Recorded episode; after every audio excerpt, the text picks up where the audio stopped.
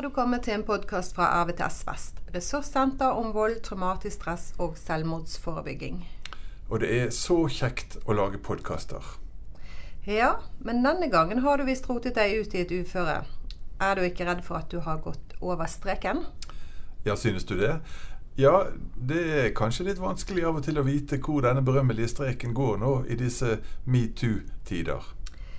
For det er jo en, en, hel del ting som ikke er så alvorlig at vi kaller det overgrep, men som likevel ikke er så hyggelig. Nettopp. Så Derfor så har jeg invitert Katrine Aamodt til å hjelpe oss å finne litt ut av dette. Katrine er faglig veileder ved SMISO i Hordaland, Senter mot incest og seksuelle overgrep. Så jeg lurte på om Katrine kunne hjelpe oss litt med å avklare hva er det som egentlig er ugreit i disse sakene som nå dukker opp overalt. Problemet er, når vi snakker om metoo, det er at eh, relasjonen er ikke likeverdig.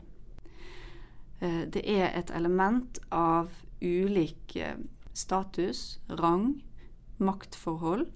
Det kan handle om noen som har makt over deg rent økonomisk, sjefen din. Det kan være noen som har makt over deg organisasjonsmessig, som eh, du kanskje ser opp til, og som er en viktig person for din egen rolle og hvilken vei din rolle i en organisasjon går. Enten det er idrettsorganisasjon eller politikk eller andre steder. Og, og sånn er det i Ja. Vi har hørt om metoo i media eh, i kultursammenhenger, i idrettssammenhenger og politiske, og stort sett ja, de fleste ulike arbeidsrelaterte settinger. Der kan også noen plystre på deg, men eh, det kan eh, oppleves ganske annerledes. Og Det er ikke bare opplevelsen som er annerledes, men det er også hvilken frihet du har til å respondere sånn som du vil på den handlingen. Eh, og eh, sagt, eh, ja, sagt med andre ord hvis, hvis, jeg er på byen, og en tar meg på rumpen og sier 'Å, gud, du er så deilig', så kan jeg bare si 'Du, ta deg en bolle og gå. Det, jeg gidder ikke ha noe med deg å gjøre. Ikke er du fin heller. Sant? Og det, det, det, gjør meg på en måte Det gjør meg ingenting, fordi at jeg har selv makt i den situasjonen den personen betyr ingenting for meg, og min avvisning av den personen har ingen konsekvenser for mitt liv.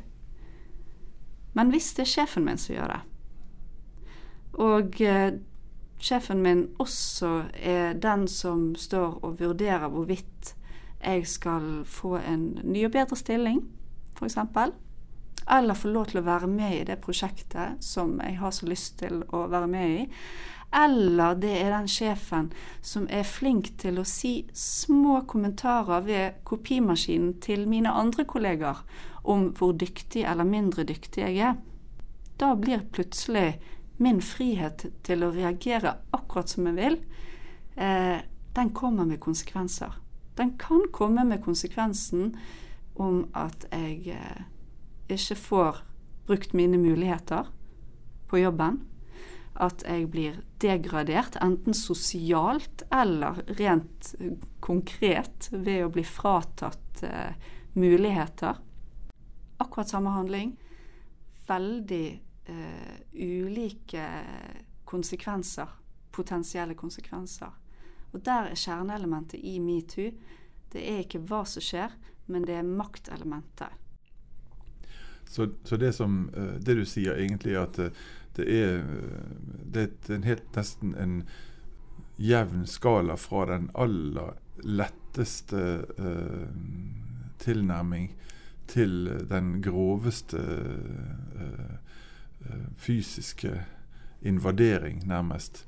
Det som er avgjørende her, sånn som jeg forstår deg, det er hele tiden maktaspektet. Er det ja. riktig? Ja.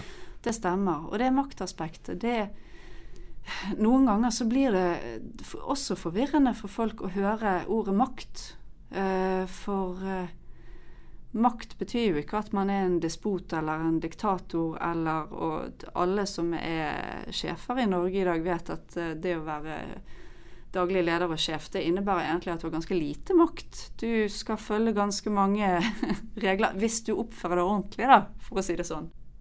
Men eh, maktelementet, det, det handler om å bli ja, Også det å bli sett av noen som det betyr noe at ser deg.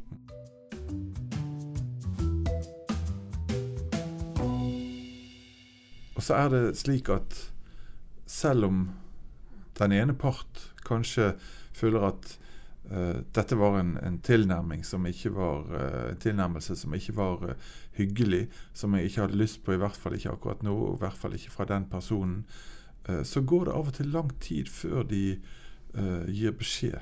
Altså det kan gå uh, altfor mange timer, altfor mange uker og ta, til og med altfor mange år før de gir beskjed.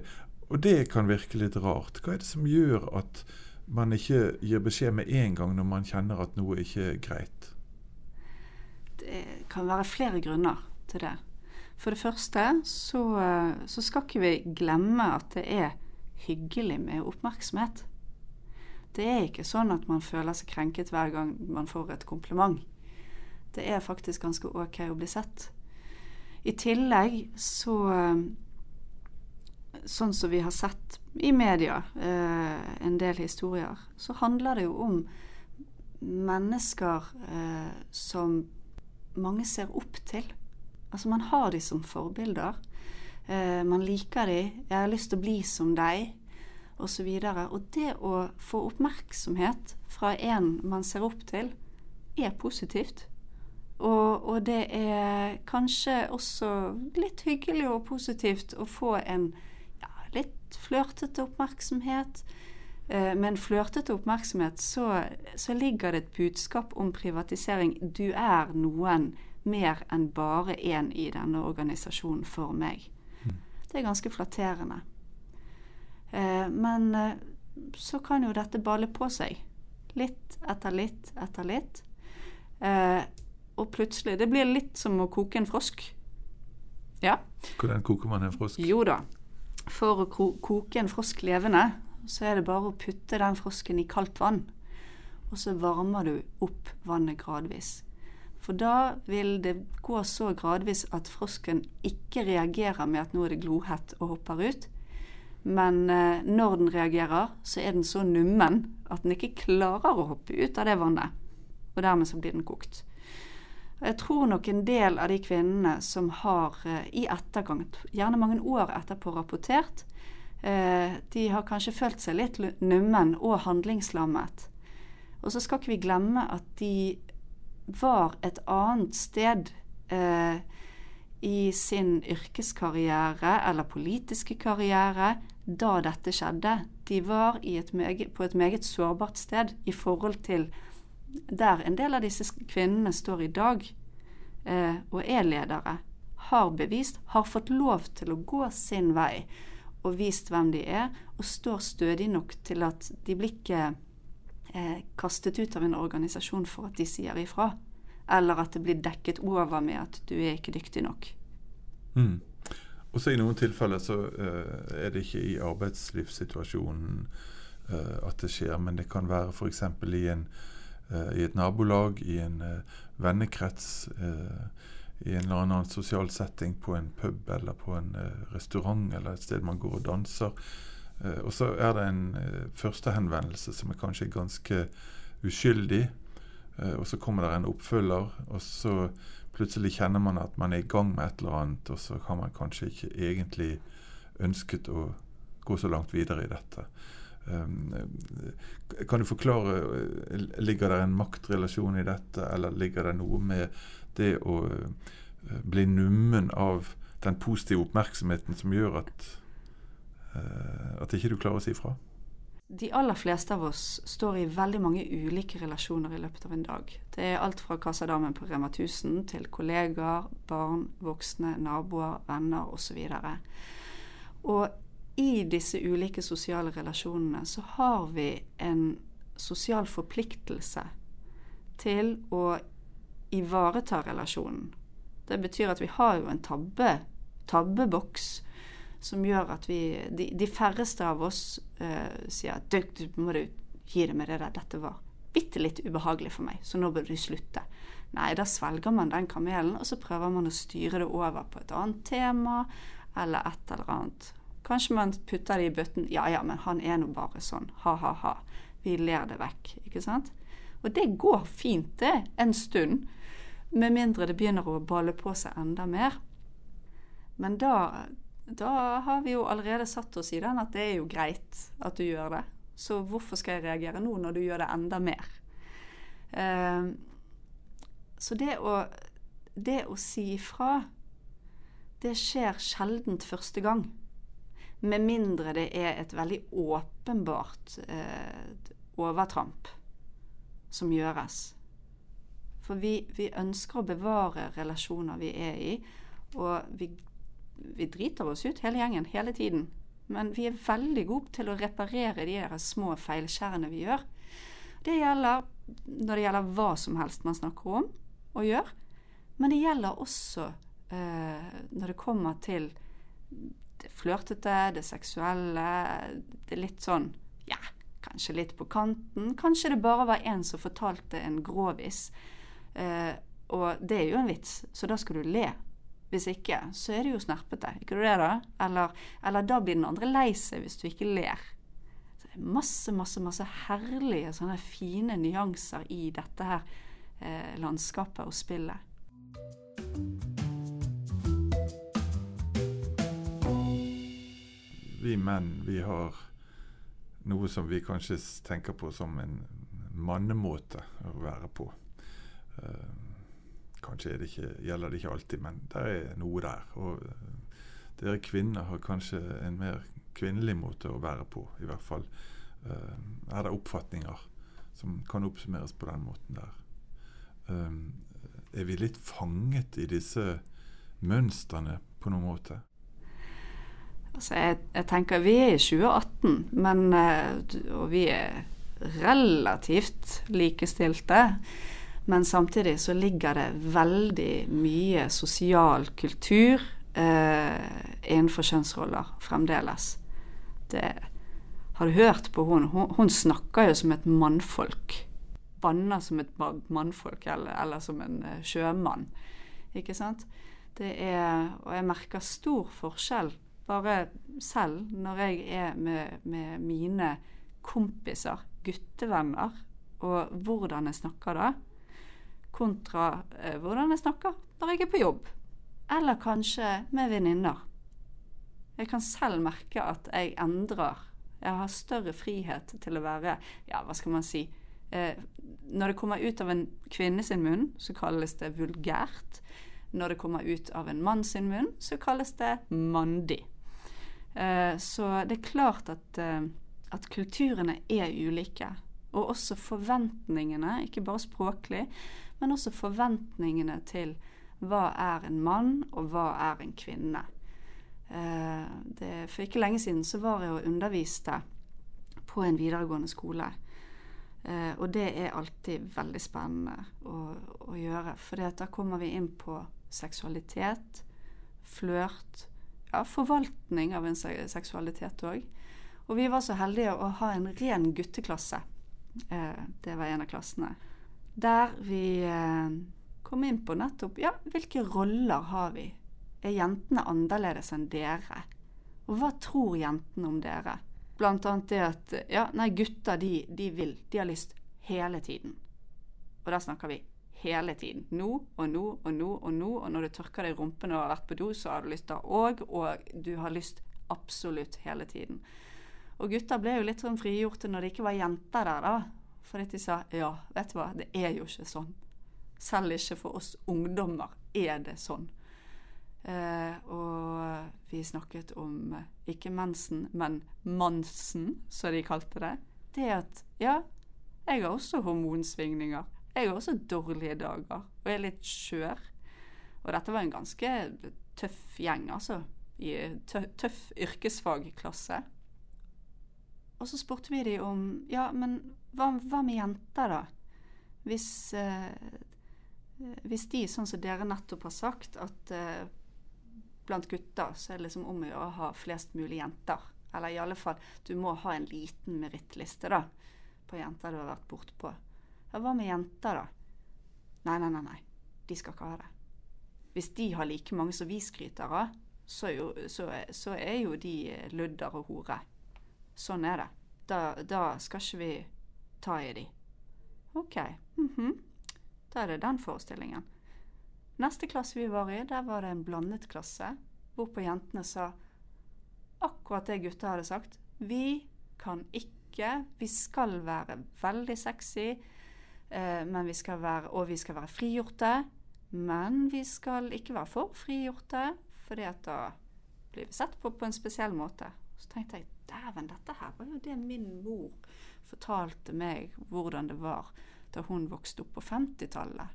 Hm, interessant. Nå er vi i 2018, og det har bare tatt andre formater, men vi er der fremdeles.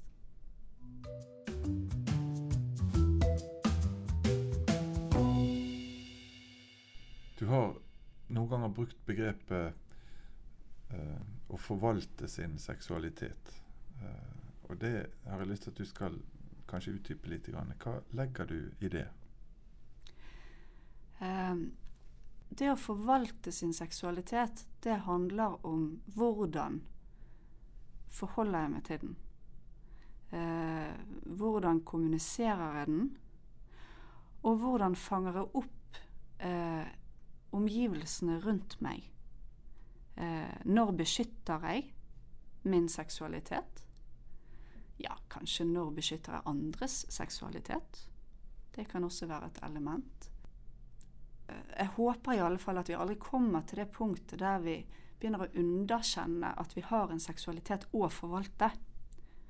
Det er noe av det viktigste. Og i dragsuget av alle de forvirrede følelsene som metoo-kampanjen eh, lager.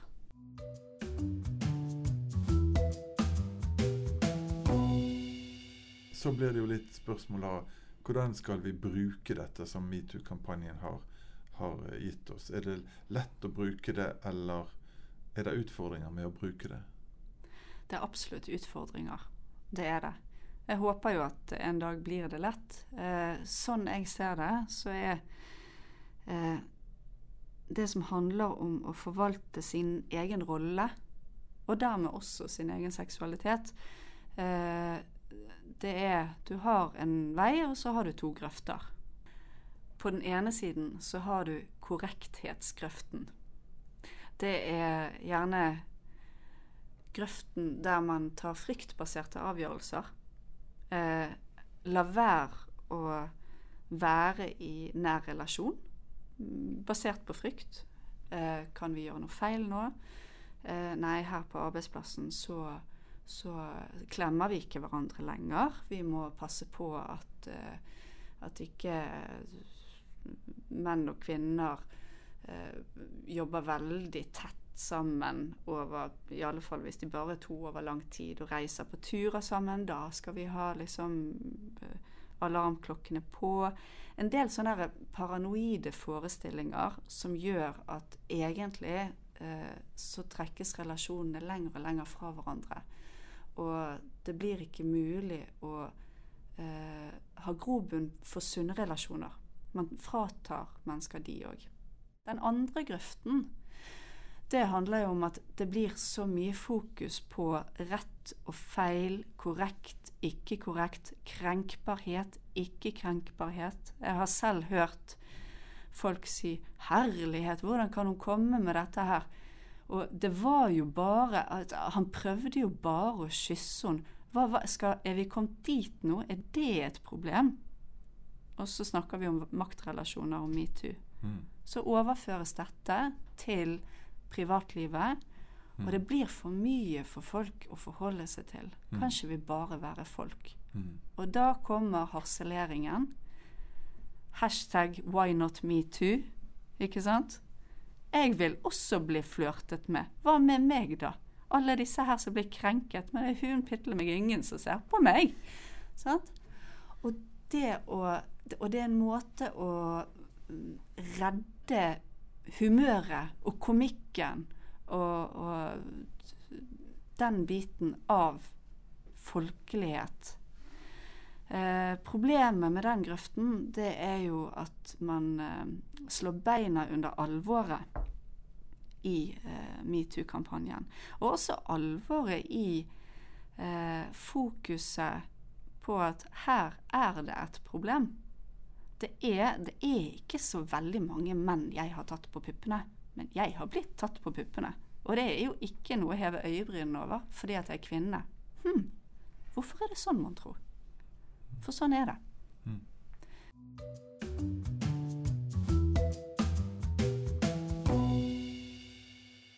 Så har vi hatt metoo-kampanjen gående i noen år. Uh, og forhåpentligvis så har det sildret ned en del kunnskap og erkjennelse og innsikt hos uh, mange av oss. Og da lurer jeg på uh, Hvordan ser du for deg at dette vil påvirke livene våre fremover? Påvirke kulturen vår? vil det bli noe igjen av metoo-kampanjen når den etter hvert feider ut i historien? Vil det være noe som, som preger måten vår å treffes på, måten vår å omgås? Jeg håper det. Jeg håper det. Eh, hvor mye som setter rot, eh, det gjenstår å se. Og jeg tror det er veldig avgjørende hvordan man klarer å holde to diskusjoner varm samtidig. Det ene det handler om selve metoo-kampanjen som handler om maktrelasjoner og forvaltning av seksualitet som er motivert av fiendtlighet eller makt og seksuell trakassering eh, på den ene siden, men at man også løfter opp og tar på alvor og holder varm den andre diskusjonen som lever med dette, nemlig vi alle i hverdagen, der vi forvalter vår seksualitet, og, og det er snakk om at det er motivert av lyst, og forskjellige typer utspill sender mottaker en bevissthet som har kommet, som jeg tror eh, ikke kommer til å renne ut i sanden, det er keiserens nye klær. Påpekingen av det åpenbare. At selv om vi er i 2018, så er det en forskjell her. Og eh, kvinner blir eh, tråkket over grensene til mye mer enn eh, enn hva både kvinner og menn egentlig har vært bevisste. Noe av det som vi bare så vidt har eh, touchet inn på, er både kriminelt og fullstendig uakseptabelt. Og da er vi over i overgrepslandskapet. Og det har vi aktivt valgt å holde utenfor. Akkurat denne samtalen kunne vi godt hatt en annen samtale om. Eh, det som vi har snakket om i denne samtalen, det er da det som da ikke vil uh, falle inn under straffelovens paragrafer, uh, men som likevel er utrivelig og ugreit. Så har vi, blitt, uh, har vi, fått en bedre forståelse Katrine, av hva som er utrivelig og ugreit, og hva vi kan gjøre med det. Um, jeg, jeg, tror, jeg håper i alle fall at vi om vi har fått, eller at vi kan få en bedre forståelse av at det er greit å si ifra når noe er utrivelig og ugreit. Og at vi samtidig skal bevare å kunne si ifra når noe er trivelig og greit. Katrine Aamodt, tusen takk for en spennende samtale. Selv takk.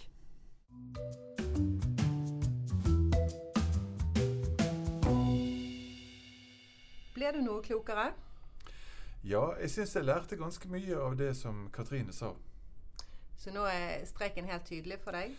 Vel, den er blitt ganske mye tydeligere. Men jeg tenker fortsatt uh, at det blir viktig at jeg bruker det jeg har av antenner, for å prøve å sanse hvor den andre personen er.